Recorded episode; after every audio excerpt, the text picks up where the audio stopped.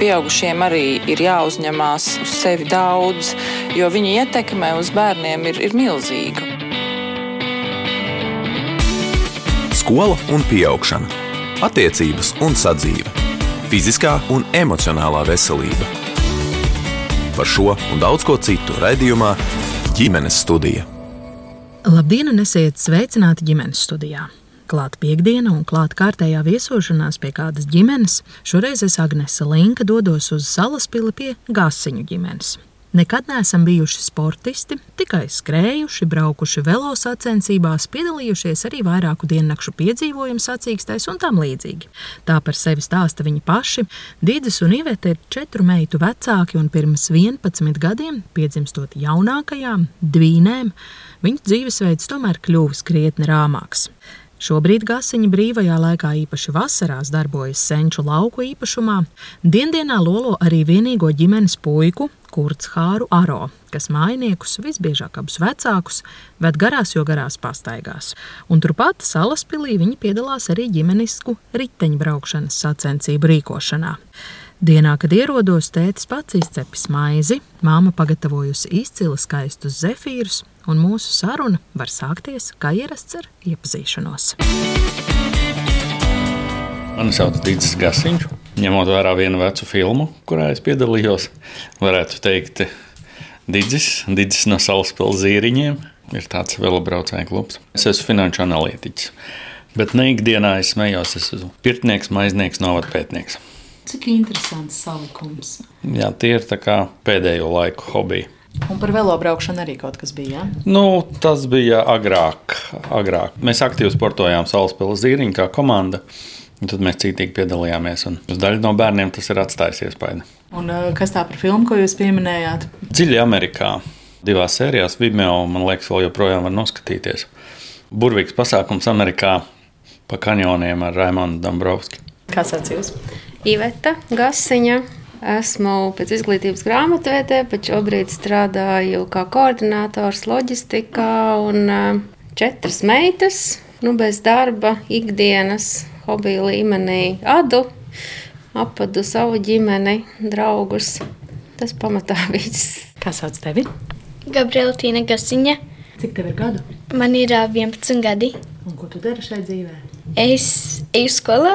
Tepat salaspīlī? Jā, un es arī eju mākslas studijā, arī salaspīlī. Un laikam arī dziedi.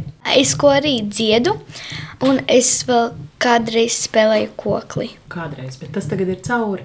Jā, man baigi nepatika iet koklē, un tāpēc es neju.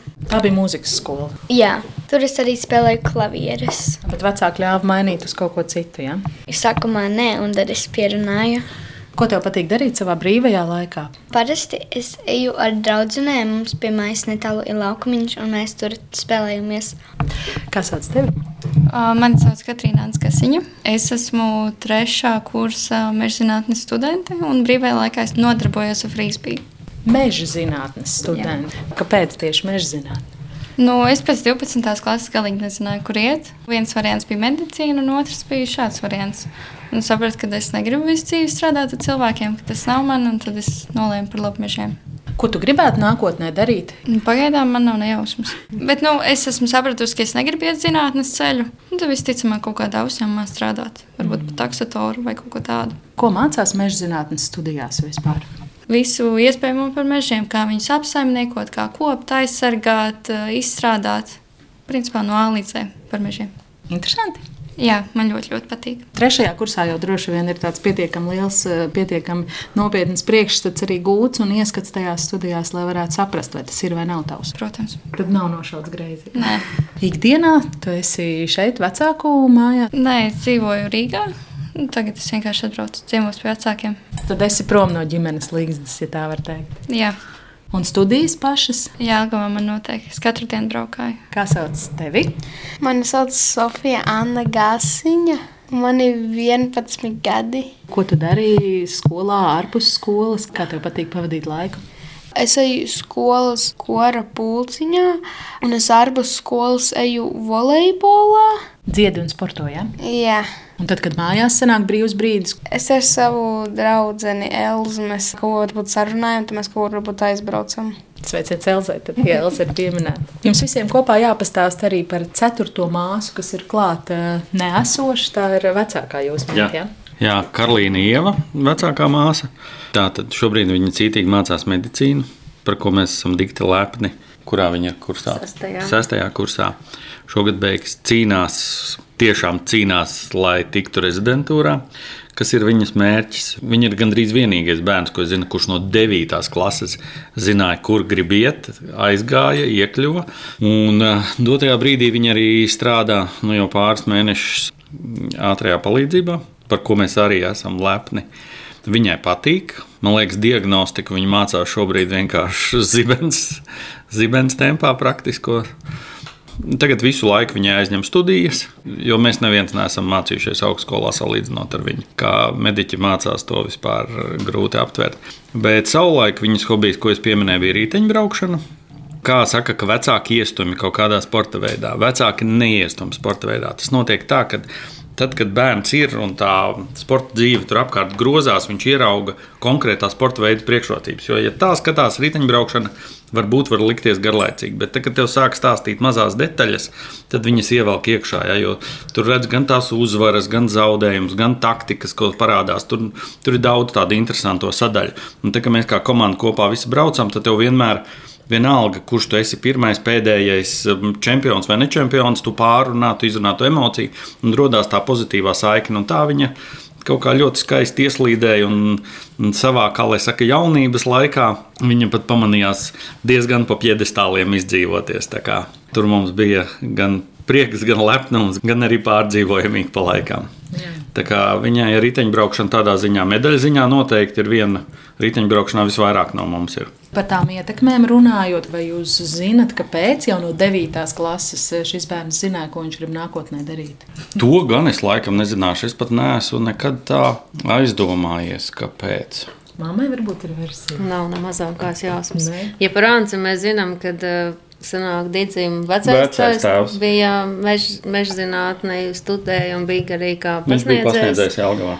Tad Dancei var būt kaut kas, nezinu. Jo mums tā tēma ir bijusi tā kā blakus. Es tā kā, kā reiz par jaunības spītu neizvēlējos to nozari. Toreiz jauns būdams, jo man gribēja katru cenu viņā ielikt. Tad te kaut kā dabiskāk viss tas izveidojās, bet ar medicīnu nē. Nesat neviens saistīts, nē, nesat tā. bīdījuši. Nē, galīgi. Nē. Bet nu, šobrīd viņa patiešām ir pārņemta un iekšā. Un es ļoti ceru, ka viņai vēlme un enerģija uz to saglabāsies un nepazudīs. Par cīņu, lai iekļūtu rezidentūrā, mēs zinām, ka jauno ārstu mums ļoti trūkst, un mēs viņus ļoti, ļoti gribam. Kāpēc tad jācīnās, lai iekļūtu rezidentūrā un uz kādu jomu meita mērķē? Viņa mērķē uz anesteziologiem, Bet es saprotu, ka tās budžeta vietas ir tik, cik ir. Un diezgan jau daudz tie studenti, kas beidz, un droši vien, ka visi meklē. Un viņi arī kā opciju apsvēra rezidentūru Vācijā. Bet nu, šobrīd Es ceru, ka viņa tomēr izvēlēsies. Nu, tagad likums ir uzlikts uz Latviju, jo, lai tu tiktu tajā Vācijā, tev valoda jāmācās, jāgatavojas. Viņa tā kā izanalizē to iespēju, bet viņa pagaidām viņa ir nolikusi malā. Ja būs gada beigās neveiksmīgi, varbūt tad apsvērs, bet jā, tas viss ir dēļ vietu trūkuma dēļ tikai. Ja es eh, jautātu jums, kas ir tas, kas jūsu ģimeni, jūsuprāt, raksturo un atšķir no pārējām? To jau vajadzētu ļaut kādam citam no ārējās malas stāstīt. Nu. Nu, es esmu dzirdējis tādu, jā, nu, ka mēs esam aktīvi un iesaistamies nu, pasākumos, vairāk vai mazāk sportiskos pasākumos. Un, un ar tiem pašiem zīriņiem vēl joprojām mēs. Uh, organizējam bērnu velokrosus katru gadu. Ja teiksim, mēs vairs nesportojam aktīvi, tā tradīcija ir pilnībā saglabājusies. Tā kā laipni lūgt Salaspils botāniskajā dārzā. Šeit pat salaspēlē. Jā, jā, jā, jā. Tepat mežiņā bija. Nu, labi, pirmsākums bija centrā, tad mēs vēl nebijām zīriņos, bet, tā, kad mēs bijām zīriņos, jau tad bija tepat mež, mežiņā, tur aiz bērnu dārza uz priekšu, un tagad ir botāniskajā dārzā katru gadu notiekās ideāls pasākums tiem, kas grib bērniem atvest, iepazīt. Ir tā, ka arī bērns atbrauc. Viņš varbūt nepiedalās, bet viņš iemācās braukt ar riteni tieši tajā dienā. Jo tur viss apkārt čūmu un muģu un vārās un tik daudz ir. Un, un tur ir tāda pozitīva attieksme. Mēs cenšamies nenogalināt, kas ir lielajās sacensībās notiekās, kur ir tas ļoti sportiskais gars, te vairāk tādu ģimeniskāku atmosfēru. Un, nu, tas ir viens, kas varētu nu, tā būt pamatā tad zīriņi ir kas? Velobraucēju klubs. Klubs tieši salaspils, jā? Jā, jā, jā, tā arī nosaukums ir salaspils zīriņi. Un cik ilgi jūs tajā darbojaties? Nu, es teiktu, gadi 20. Nu, bet šoreiz jau kā Dīdis teica, neesam vairs tik aktīvi. Bet jūs arī braucāt ar riteni, jā? Jā. Un kā vēl? Un kā vēl? Nu kā? Arī pa piedestāliem. Jā, viņai piedestāli ir vairāk noteikti nekā man. Nu, to gan nosaka sava specifika. Tas, ka vecuma grupā varbūt nav tik daudz sieviešu, bet jā, viņai ir piedestāli vairāk nekā man. Un uh, tur bez riteņbraukšanas bija vēl tāds brīdis, kad mēs jā, visvairāk tā kā saliedējāmies, mēs piedzīvojām sacīkstēs, piedalījāmies. Bet nu, tas arī ir pēdējā ir vairāk kā desmit gadus atpakaļ. Tas ir tas, ko moderni sauc par rogainīgu vai kaut kas cits. Rogainīgā mēs arī esam piedalījušies. Bet nē, piedzīvojums sacīksts tur, kur ir vai nu diennakts, vai mēs pat piedalījāmies arī divu diennakšu, kur ir visas disciplīnas. Skriet, ritenis, peldēt, laivas, skrituļot, virvju uzdevumi. Dažreiz tā peldēšana vēl pa tumsu kaut kur, jā? Ar krokodīliem. Tas, kas tumsā rādās, visādi mošķi. Tas bija no viena latgāles posma, tur, kur tur šķērso tādas purvainas upītes, krokodili, tie milzīgi tādi sakņu izaugumi.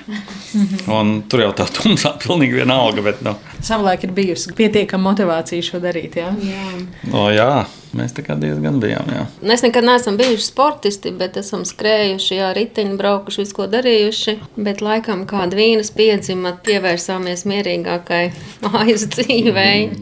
Vai bijāt spiesti pievērsties? Jā, drīzāk tā, jā. Nu Jā, četri bērni tomēr nav joka lieta. Ivet jums arī jautāšu, nu, ja Digis saka, tā, raksturojot jūsu ģimeni, jā, aktīvi, tad ko jūs no savas puses vēl liktu šai sarakstiņā?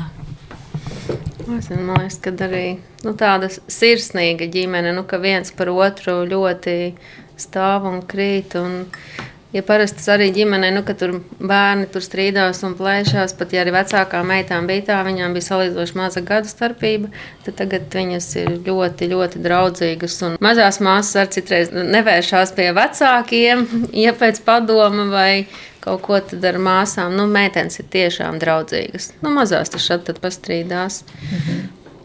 Saticīgas, jā. Tā ir, kā mamma saka. Um, nu, mēs Sofiju, es dažreiz uzbāžos, un tad gandrīz katru dienu mēs varbūt kaujamies. Bet, nu, kā katru dienu mazi kaut viņi vai lieli. Tā ir, kā māsa saka. Kā jums te ar to satikšanu? Normāli. Viss kārtībā, jā. Mm -hmm.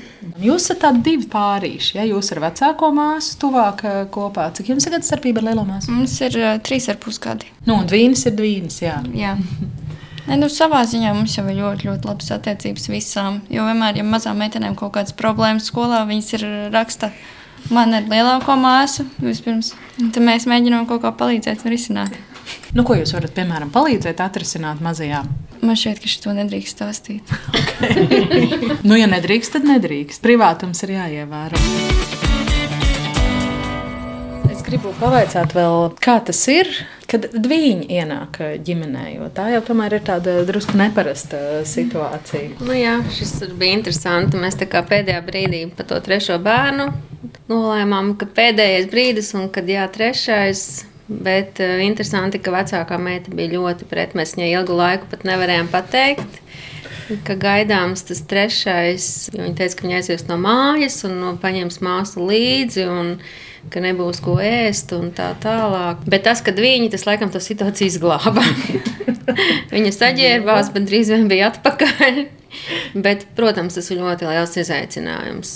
Un visvairāk laika Manci cieta tajā brīdī, jo nezinu, nu, viņa nāca, gāja, kā viņa pati tika galā. Nezinu, jo mēs bijām pārņemti ar mazajām māsām, un tas nebija viegli.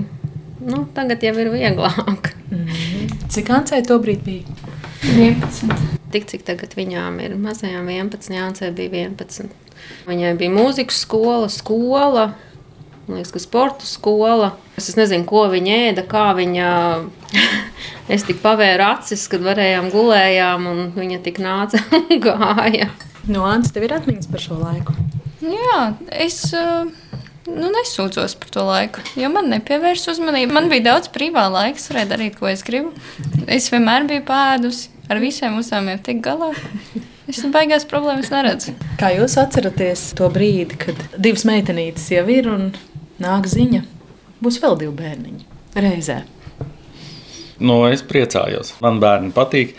Kāzās, kur tas rituāls ir, tur teica, ka būs seši bērni. Morāli es biju gatavs. Nē, fiziski tas, protams, bija savādāk. Bet, uh, man patika, mums daudz apkārtējie palīdzēja. Tas, ka viņiem nebija pirmie bērni, tas ļoti atviegloja lietas būtību. Un tad mēs vēl veselu strīpu iemācījāmies mazo dzīves gudrību. Un, Piemēram, ja bērns grib ēst, viņš ēd arī augstu pudelīti. Nav nekādas problēmas, nevajag stresot. Mums te bija māziņš, smags galdiņš nolikt. Uz gadu vecumu es nopirku. Kamēr tu gatavo ēst, iedod viņiem burkānu, iedod teiksim, tomātu gabalu bez iekšām, un pusstundu tev ir miers. O, grīdu tu vari saslaucīt, izmazgāt, nestresot, neņemies mierīgi uztaisīt, vispār nav problēmas. Un vēl bija kaut kādas tādas mazas lietas, ko mēs ar pirmiem bērniem, no tu saproti, priekš kam tu stresoji, par ko. Tas viss tā kā vieglāk. Un vēl kas bija interesanti, es mazliet sekoju līdzi, mēs sēdējām divu māmu čatos. Divu mamām un vēl vairāk trīņu mamām pilnībā čatos nav tās liekvārdības. Un tur ir tikai praktiskās lietas, ko tev vajag. Un tā kā citas divu mammas vientuļās tika galā, es sapratu, ka mums vēl viss ir. Viss ir ļoti lieliski. Un iesaistījās arī Omas, tā kā atbalstīja. Tā kā mēs diezgan labi ar to visu tikām galā. Jā, es tieši gribēju vēl pajautāt, kas tad bija tajā jūsu atbalsta komandā. Jo dažreiz jau saka, ka, lai uzaudzinātu bērnu, vajadzīgs eh, ciems, bet jums divi jau bija un vēl divi nāca klāt. Mums ir tepat kaut kur tuvumā. Viena ir ļoti tuvu, otra ir Rīgā. Bet nu, viņas gan abas strādāja tajā laikā. Tas mums gluži nepalīdzēja. Tagad viņas ir ļoti liels atbalsts, jo abas ir pensijā, tad ir pavisam viegli. Bet nu, viena ir tuvāk, un, un tad vēl Līvets tēvs bija dzīves, un tad bija laukos, nu, kur mums ir lauka māja. Kur mēs arī šobrīd, teiksim, mums ir tāds vasaras akcents lielais. Kad mēs esam, tad viņi tur varēja atbalstīt vairāk tas ir tas pamata atbalsts. Jā. Lielās meitenes jau varēs, kā tagad atceros, ka es uz manikīru vai kaut kur aizskrēju uz pedikīru, tad Ance palika ar dvienēm viena pati. 11 gadu vecumā es pat nezinu, kā es varēju tik droši atstāt, bet nu, lielās māsas arī palīdzēja. Tiešām, jo bija teksts, ja viņa sākumā negribēja, un tad pēc tam jau bija, kā es varēju negribēt viņas. Tā mīlestība tomēr ir joprojām. Tīdzi saka, labi, ka viņas nebija pirmie bērni, mums jau bija pieredze. Nu, man varētu teikt, bija kā pirmie bērni. Man nāca zīdīšanas konsultants, kas palīdzēja bērnus pielikt pie krūts, pabarot. Nu, to nevar salīdzināt. Var jau būt tas, ka pirmie bērni mums bija, ka mēs bijām stipri jaunāki. Nu, es nezinu, vai tas ir plus vai mīnus, bet nu, daudz kas bija tomēr jāmācās no jauna. To... Mēs taču pat uz jauno vecāku skolu bijām aizgājuši. Jau no veco, vecāku skolu. tas gan bija mazliet uzjautrinoši arī. Bet, nu. Jo? Nē, nu, viņiem stāsta, cik tur skaisti. Nu, pēc diviem jau tu zini. Ka nē, dzīvē jau ir tomēr bišķi pilnīgi savādāk. Bet, um, Nu, viņiem arī nevajag pārāk sabiedrēt viņus, no kur viņi liksies. No. Tur jau viss ir priekšā, bet jā. Ja jums jautātu par mītiem un patiesību, kā tas ir, ka ir eh, dviņi? Jā, no pirmais vienkāršākais, ko jau es pats nezināju, visi dviņi ir vienādi. Nē, viņi nav. Lielākā daļa no viņiem nav vienāda. Raksturā, nu, pilnīgi atšķirīgi. Nezinu. Nu, es atceros, ka bija tā, ka labi, kad viņi, ka viņi kopā spēlēsies, būs mammai vieglāk. Nu, tādu es nu, neatceros, ka tā būtu bijis. Bija tā, ka ar gulēšanu no sākuma, kad mazāki viņi guļ, nu vienalga, tur bija otrs bērns, nav nekāda problēma. Bet tad pagāja kaut kāds laiks, un viņi sāka dzirdēt otru. Nu, tad bija tā kā vajag. Viens tikko ir beidzis sēriju, tad viņa naktīs nolicis kliņķi augšā, otrs tad atkal tās. Tā tas aplīts var tā smuki griezties no sākuma. Jā, viņas nedzirdēja tur. Bet ir jau laikam aizmirsies, tomēr 11 gadu atpakaļ. Kā tas ir, ka ir māsa, kas ir precīzi tavā vecumā, mm. kur jūs reizē esat piedzimušas un pilnīgi reizē uzaugušas? Man, man tas nepatīk, jo dažreiz um, viņa ir ļoti, ļoti kaitinoša. Es esmu, protams, vecāka mazliet. Man vismaz patīk, ka tas ir vecāka, jo es viņai varu teikt, ko darīt un ko nē. Cik tad ir tā starpība, cik vecāka tu esi? 40 minūtes. Parasti tur saka dažas minūtes. Jā. Nu, mums ir jā, interesanta situācija, ka Tīna piedzima pati un Sofija ķēzaroja. Hmm. Tāpēc arī gadās arī tā. Jā? Gadās arī tā. Jā. Tāpēc ir tā starpība lielāka. Kā tas ir, ka ir 40 minūtes vecāka māsa? Ne forši. Bet es esmu garāk un stiprāk. Tad, tad tas ir labāk. Jums visām meitenēm ir divi vārdi. Jā, jā. Ar, ar nodomu tas vien un ar kādu. Man iznāca tā, ka es agronoms pabeidzu pēc izglītības, aizbraucu uz ASV lauksaimniecības praksē. Karolīna ir atvesta no turienes, un tur visur anketās bija divi vārdi. Tad es nolēmu, maniem bērniem būs divi vārdi, un tā kā ieliku pirmajiem diviem, taču nākamajiem nevar nelikt. Vecāki reizēm šausminājās par vārdienām, bet nu jau viss ir apraduši. Toties viņām ir labi, kad var eh, izvēlēties, kurā saukt. Un tad ir ļoti interesanti vērot, ir citreiz kaut kāda skolotāja vai doktora, kas izvēlās precīzi to otru vārdu, ko ikdienā nelieto. Bet uh, labā ziņa droši vien tā, ka vārdu diena ir vairāk. Svinat visas? Jā, svinām visus, ir sevišķi mazajām meitenēm. Tas ir savā ziņā, tas ir pārbaudījums. Nu jā, četras meitas, astoņi vārdi un vēl klāt visas dzimšanas dienas. Tas laikam forši, vai ne? Man ļoti patīk, ka mums ir divi vārdi, jo tā mums ir viena dzimšanas diena un divas vārdienas, un tad um, mēs dabījām dubultā dāvanas.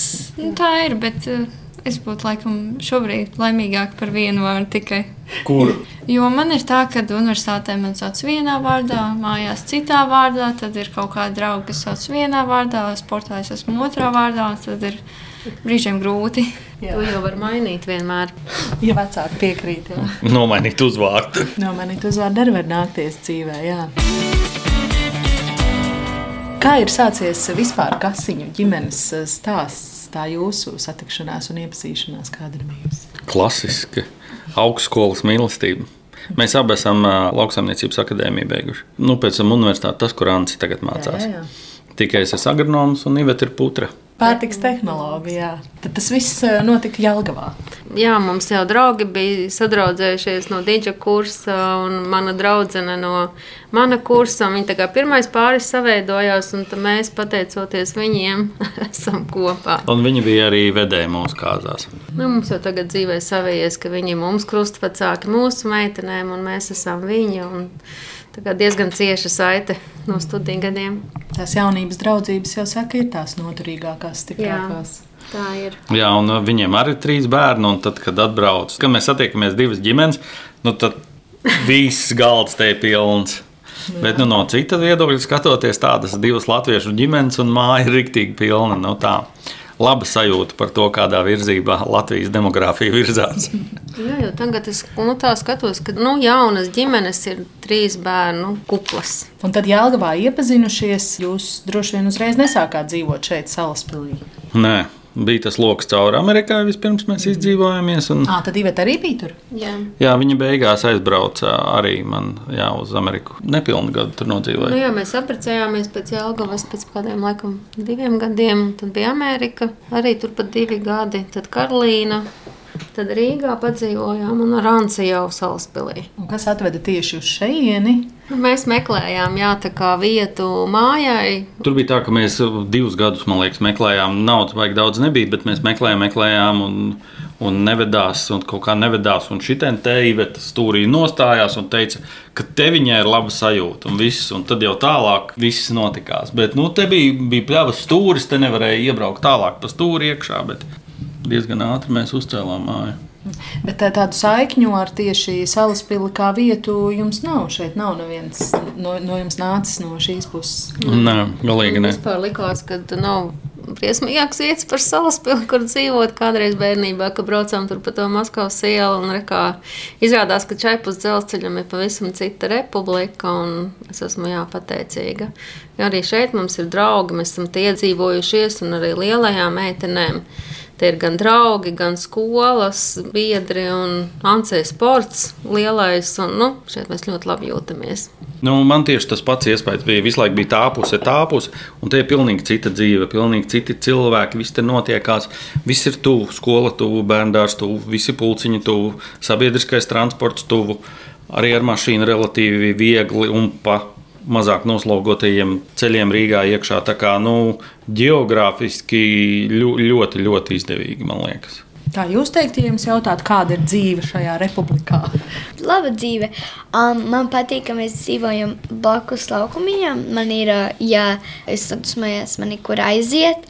Un arī man te ir daudz draugi. Nu, tas jau laikam galvenais, lai ir tie foršie cilvēki kaut kādi apkārt, vai ne? Ko te var darīt? Šeit var iet ārā suni, braukāties ar rīteni un aizbraukt uz veikaliem. Tie arī ir sasniedzami, jā? Jā.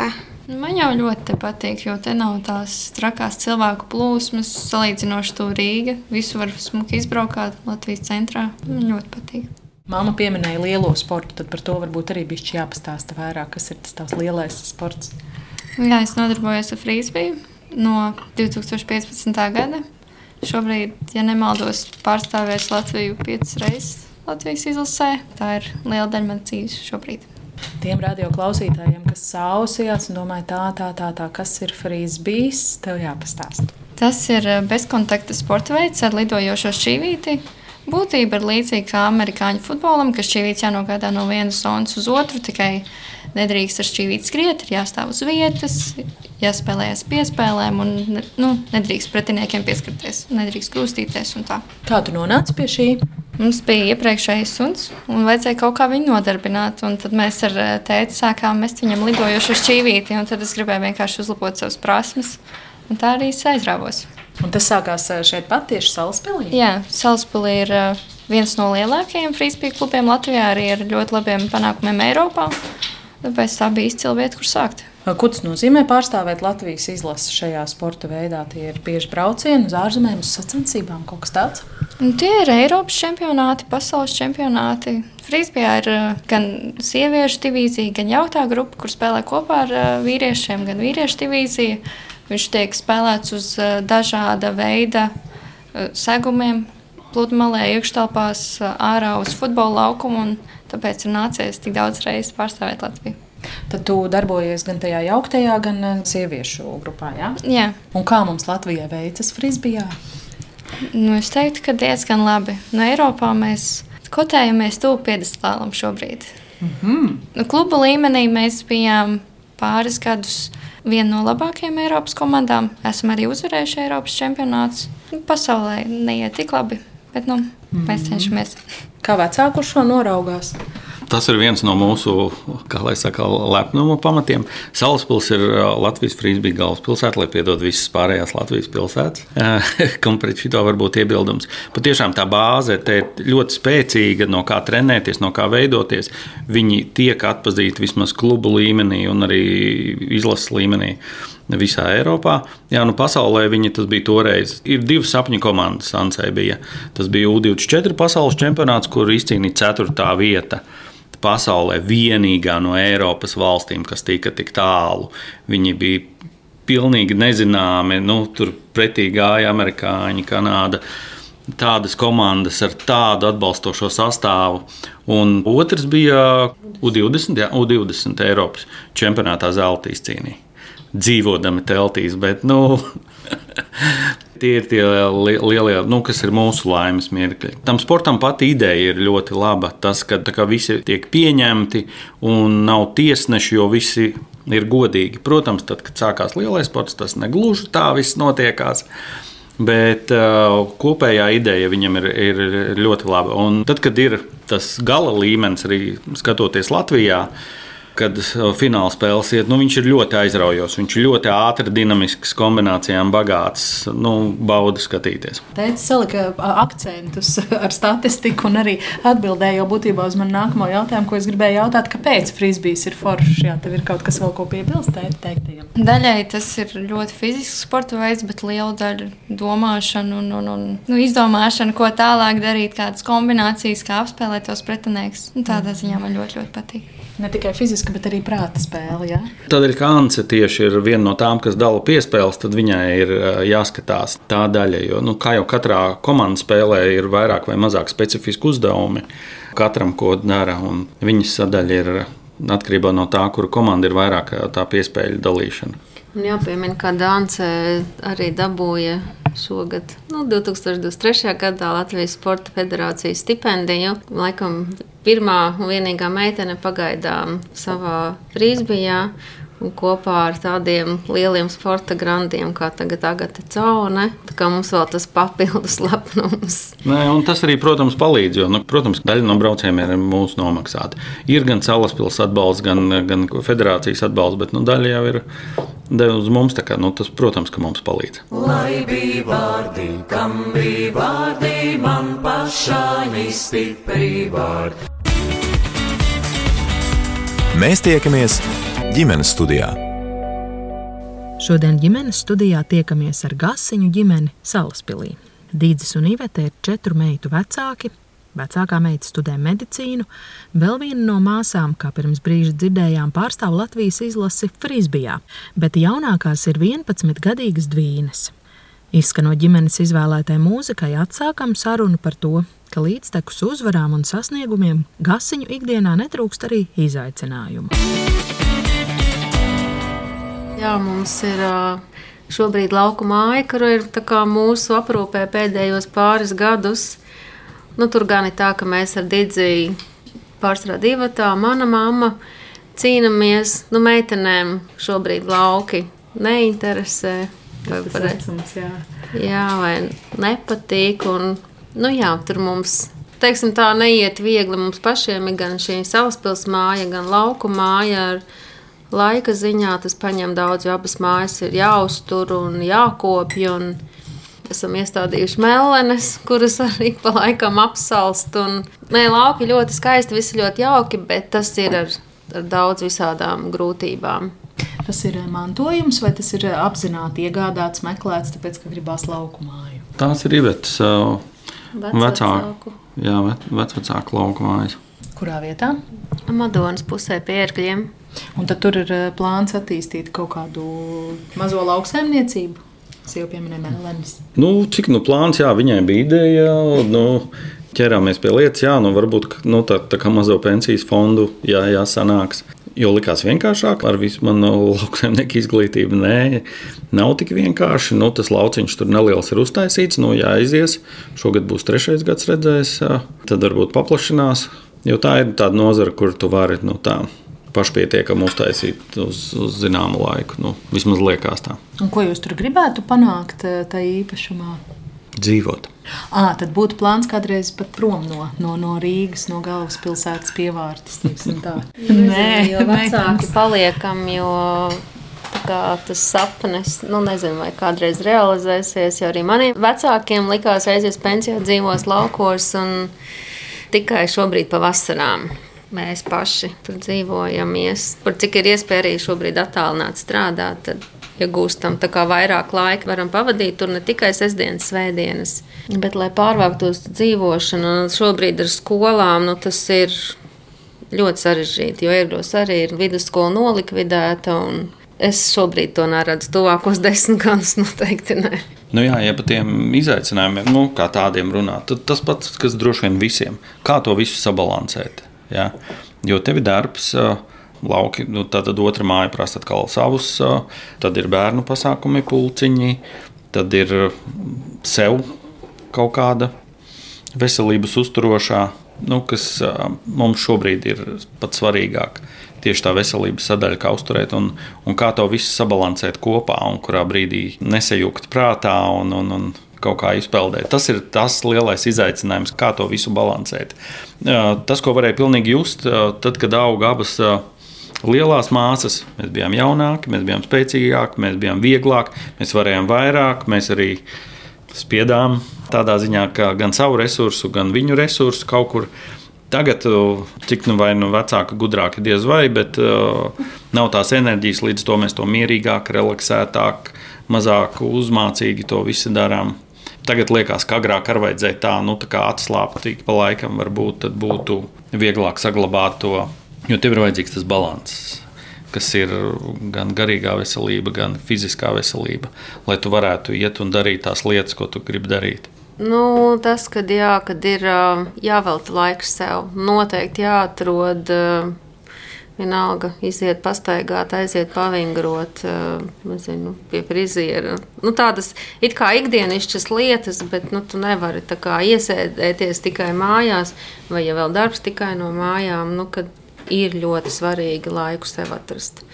Vienalga, cik ir bērni, viens vai, vai divi vai, vai pieci. Vai. Tas ir man. Iziet no mājas, aizvērt durvis, vienalga, kas te paliek nekārtība vai kā, bet nu, kā relaksēties, atnākt ar jaunu spāru un, un visi pēc tam ir ieguvēji. Un, uh, droši vien svarīgi arī to mācīt bērniem. Jums šajā ziņā ir bijušas atšķirīgas pieejas, ja salīdzina lielās meitenes un tagad dvīnes. Nu, attiecībā par bērniem, nu, mums vecākās meitas abas divas, viena pabeidz mūzikas skolu, otra mākslas skolu. Dvīnes arī sāka.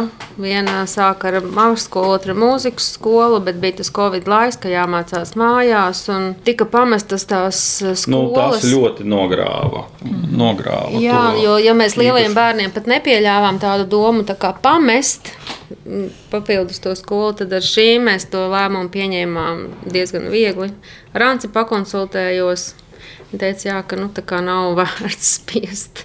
Tas varbūt tās jā. Nu, nevis tur mērķis, jā, mēs iesim vienalga, cik grūti, bet atkāpāmies. Ne, tev arī pašam, nu, kā ar viņiem, tev vairāk enerģijas. Nu, tev vakarā tu esi gatavs sēdēt kaut gan nepareizi. Tagad, zinu, pēc astoņiem vispār nevajag ne ar vienu bērnu neko darīt. Viņam ir jāiet gulēt un cauri.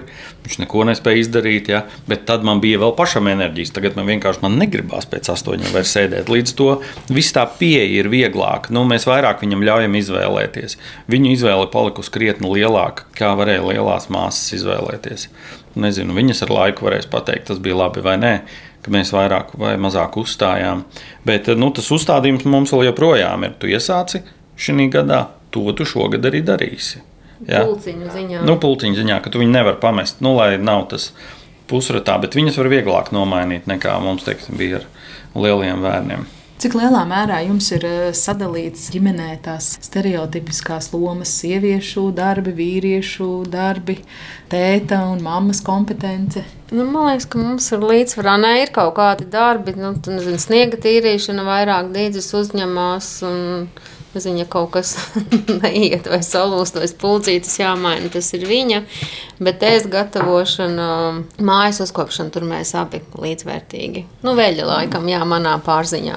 Nē, es vairāk teiktu, ka klasiski mums ir diezgan nodalīti.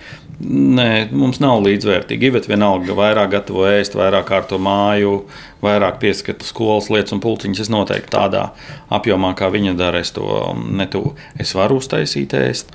Mājas kārtošana man švakāk sanāk, bet, nu, loģiski, jā, visi vīru darbi, kas ir, tad, tas ir manā lauciņā, jā. Bet jauki, ka vīrs tā atzīst, vai ne, ka viņš tomēr saredz jūsu ieguldījumu nu, lielo daļu. tad labi, ka tā ir. Kā to var nepamanīt? Ne? Bet šodien Anci atbrauc mums palīgā. no jā, lielie bērni jau ir lieli. Te man jāpiebilst, ka Gasiņa ģimene cienā arī ar tēti ceptu maizi un mammas gatavotiem ļoti skaistiem eh, zefīriem. jums eh, arī mājās ir kādi pienākumi pašām? Kas jums ir jādara mājasēmniecībā? Dažreiz um, man ir jāsaklai gulta.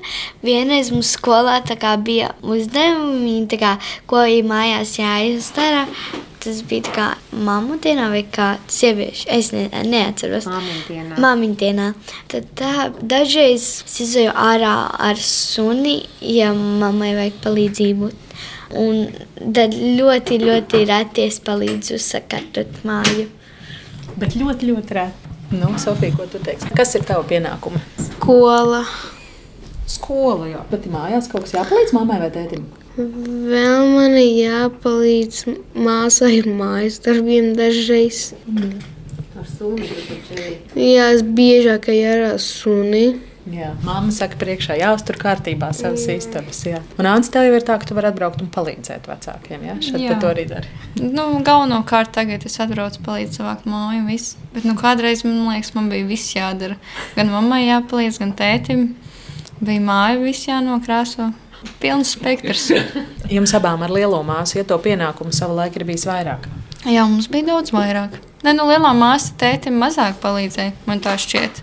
Jo galvenokārt es zālīti pļāvu, kopistiski gājām sniegu šķūrēt, tētis ir līdz arī riepas krāmēt. Nu, Jā, nu tagad uh, abas divas jau mazās var uh, zāli bļaut traktoriņu. Tas ir ļoti labi. Bet lielās māsas jau vienmēr saka, ka mazās ir izlaistas un ka viņām mazāk tiek prasīts. Un var jau būt, no malas jau droši vien ir labāk redzams.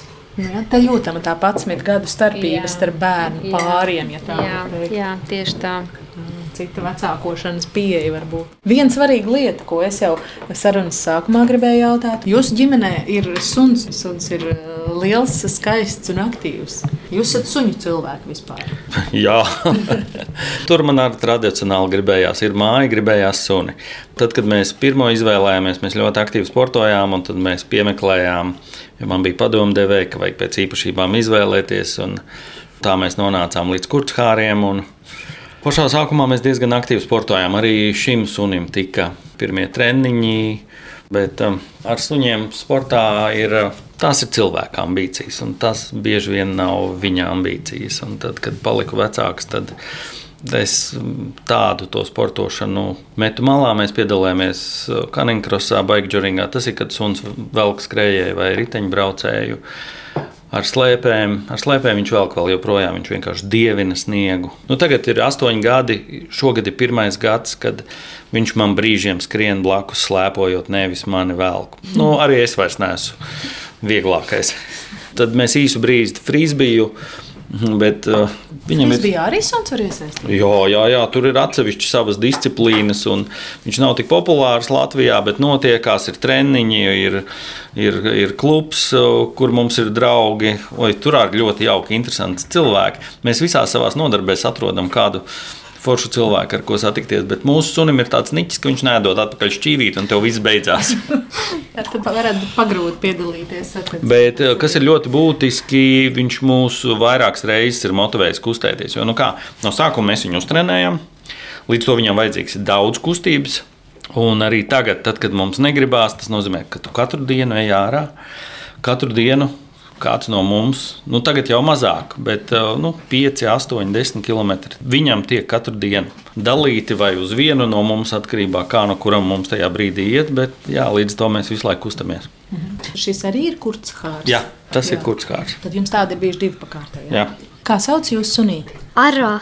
Kāds viņš ir? Viņ, viņš visu laiku gribas spēlēties, un viņš ir tāds aktīvs, un, bet arī tie pašā laikā man, mani mazliet kaitina, ka viņš visu laiku, kā, katrs 5 minūtes, iet ārā, iekšā, ārā, iekšā, mums ir jālaiž viņu ārā un iekšā. Baigais aktīvists, jā? Ja? Jā. Nu, viņš ļoti, ļoti mīlestību prasošs. Viņš lien virsū, jo viņu vajag glaudīt visu laiku. Viņa to neglauda, tad viņš tāds uzbāzīgs paliek. Mīļš, nepaklausīgs. Viņš ir izoklis laiku manu ēdienu. Viņš visu laiku grib ēst. Man teica, ka Sofija izlaidīs suni, vai arī Sofija ielaiž sunim ēdienu, vai ielaiž ūdeni, vai arī ielaiž puikiem ēdienu. Nu, jā, viens puisis ģimenē. Jā, jā otrs vīriešu kārtas pārstāvis ģimenē. Jā. jā, bet viņš ir rīktīgs cilvēks un nu, tā, ka ļoti izteikti viņam vajag to. Viņš ir gatavs visu laiku ar cilvēkiem. Cilvēki viņam nekad nevar būt par daudz. Un Dīdis iet arī ar viņu medībās. Kā dzinējs?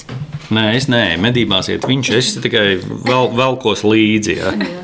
Un ko tad jūs nomediet parasti? Kā nu kuru reizi? Nē, vislabāk man patīk tās medības, kur nekas nav nošauts, bet ir desas. Mums, starp citu, ģimenes studijā tieši bija raidījums arī par tēmu, ko tas ir nozīmē, ka ģimenē ir suns, ko piemēram bērniem, pusauģiem dod tādu mājdzīvnieka klātbūtni, vai vajag gādāt suni, tad, kad bērni lūdz, es gribam, gribam sunīti vai nē, vai tomēr vecākiem ir jātic tam, ka šis bērns ir ar mieru rūpēties par dzīvnieku līdz viņa mūža galam. Kāda jūs pieredze šai ziņā? Nu, es atceros, ka vispār bija sākās doma par sunu. Es kā, biju kā, vairāk pret, jo man jau likās, ir jau divi bērni, par kuriem tu jau rūpējies, un suns jau bija vēl viens, kurš tāpat slimo visādas ķībeles. Un tik atceros, ka pie gultas vakarā zīmītis, mammu, tēti, lūdzu, nopērkat sunīti. Un, nezinu, toreiz bija štipeks.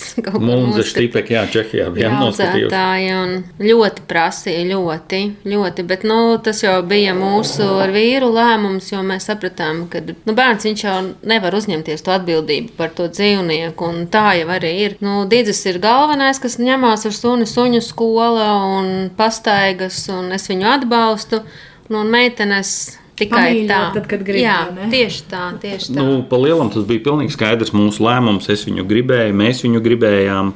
Tas ir viennozīmīgi. Un, ja tikai bērni gribētu, nē, nebūtu. Tur tad veidojās traģēdija. Nu, mēs gana daudz esam redzējuši, kur nav tik labi. Un, Un, jo viņam vajag, teiksim, īpaši, ja vēl tu izvēlēsies šādu šķirni, citi cilvēki nesaprot, kādu to apj apjomu fizisko vajag. Ja? Mēs gribējām, varējām, nodrošināja. Savukārt, vēlāk, jau, kad reizēm mums bija slinkums sportošanā, viņš mūs izvilka, kā reiz mūs izvilka, izkustināja. Tā kā, nu, šobrīd ir viņš, kas notur mūs pie tās aktīvās dzīves. Tā kā, tur apusē sanāca, bet tas ir mūsu lēmums viennozīmīgi, es teiktu. Es aizmirsu pieminēt, ka Aro ir vēl trīs vārdi. Aro, Anabela, Arabela. Arabela Reks. Māsām visām četrām pa diviem vārdiem, bet brālītim, puisītim trīs. Nu, viņam di dišciltīgāki raksti. Mēs neesam, neesam tik garas tās dzimtas līnijas. Šoreiz ģimenes studijā iepazināmies ar Gasiņu ģimeni no Salaspils. Ar viņiem sarunājos es Agnese Linka. Par rādījumu tapšanu gādāja arī Liena Vimba un Nora Mitspapa. Paldies visiem, kas klausījās. Atgādināšu, ka ģimenes studiju dzirdam arī visās populārākajās straumēšanas vietnēs, Latvijas radio mobilajā aplikācijā un, protams, katru darba dienu no 2 līdz 3 Latvijas radio viens ēterā.